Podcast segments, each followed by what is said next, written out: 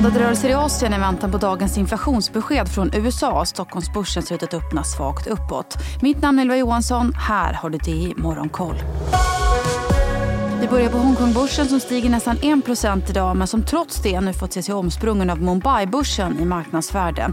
Mumbai-börsen vars index Nifty 50 stigit med 16 hittills i år och är på väg mot sitt åttonde raka år av uppgångar är därmed världens sjunde största handelsplats. Hongkongbörsen har gått sämst bland börserna i Asien och är ner 17% hittills i år. Mumbai-börsen handlas idag i sidled och det är ganska avvaktande handel även på börserna i Fastlandskina samtidigt som marknaden nu inväntar invänta resultatet från det ekonomiska toppmötet i Kina om hur mycket stimulanser man kan vänta sig nästa år. Shanghai-börsen handlas strax under nollstrecket. Shenzhen-börsen backar svagt. Tokyo-börsen handlas försiktigt försiktigt uppåt. Samtidigt så stärks den japanska yenen mot dollarn efter att ha noterat sitt största fall på över en månad igår efter uppgifterna om att Bank of Japan inte verkar vara redo att frångå den ultralätta penningpolitiken vid nästa veckas möte. Samtidigt så sjönk de japanska producentpriserna rejält i november till sin lägsta nivå på nästan tre tre år vilket ytterligare förstärker centralbankens bild av att inflationstrycket är på väg att dämpas. Och bitcoin inledde veckan med sitt största fall på nästan fyra månader. Ett fall som enligt flera analytiker beror på att man hämtar hem sina vinster efter att kryptovalutan har rusat över 150% hittills i år. En bitcoin kostar nu knappt 42 000 dollar. De amerikanska långräntorna backar några punkter under morgonen idag och dollarn försvagas mot flera valutor inför dagens inflationsbesked från USA.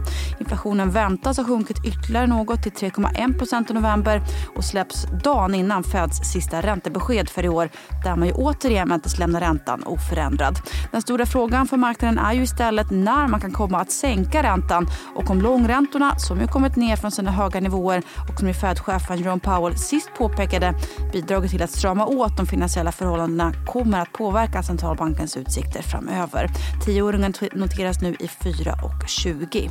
Och det var ganska försiktiga rörelser på Wall Street igår i väntan på dagens inflationsstatistik. Brädasbyfanet var upp nästan en halv procent och till och Nasdaq steg svagt. Mjukvarujätten Oracle föll 10% i efterhanden efter att ha släppt sin rapport efter stängning där intäkterna kom in lägre än väntat.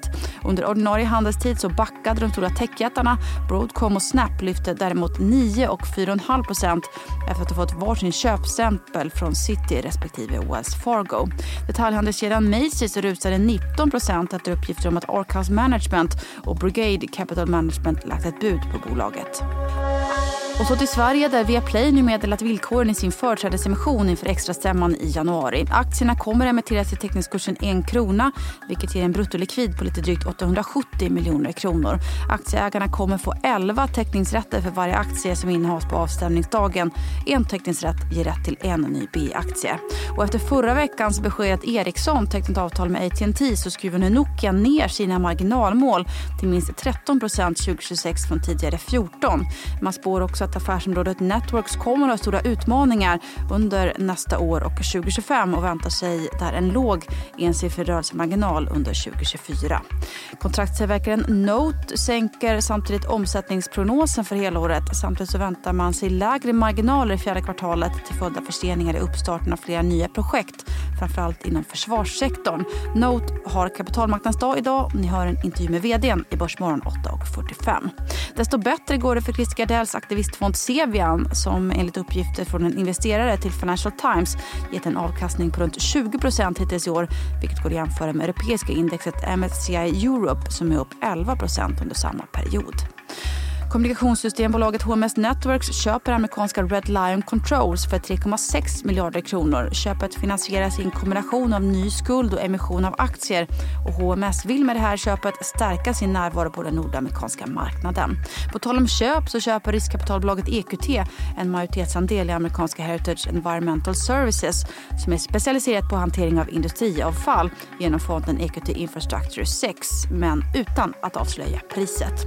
Sist kan vi också nämna att bolagsgruppen Vestum säljer fem dotterbolag inklusive sitt omsättningsmässigt största Arctic Infra som ett sätt att renodla verksamheten och stärka sin balansräkning. Samtidigt så innebär de här försäljningarna en preliminär reaförlust på 490 miljoner kronor. Mitt namn är Ylva Johansson. Du har lyssnat på DI Morgonkoll.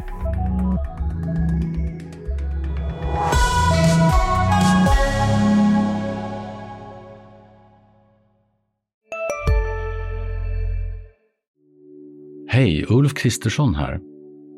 På många sätt är det en mörk tid vi lever i. Men nu tar vi ett stort steg för att göra Sverige till en tryggare och säkrare plats. Sverige är nu medlem i Nato. En för alla, alla för en. Expressen gör varje vecka podden Politikrummet där vi djupdyker i det senaste och viktigaste inom svensk politik. Med mig, Filippa Rogvall, som programledare tillsammans med mina vassa kollegor. Och det är ju ni som heter Thomas Nordenskjöld, Anette Holmqvist och Viktor Bartkrum. Politikrummet kommer med ett nytt avsnitt varje tisdag. Vi hörs!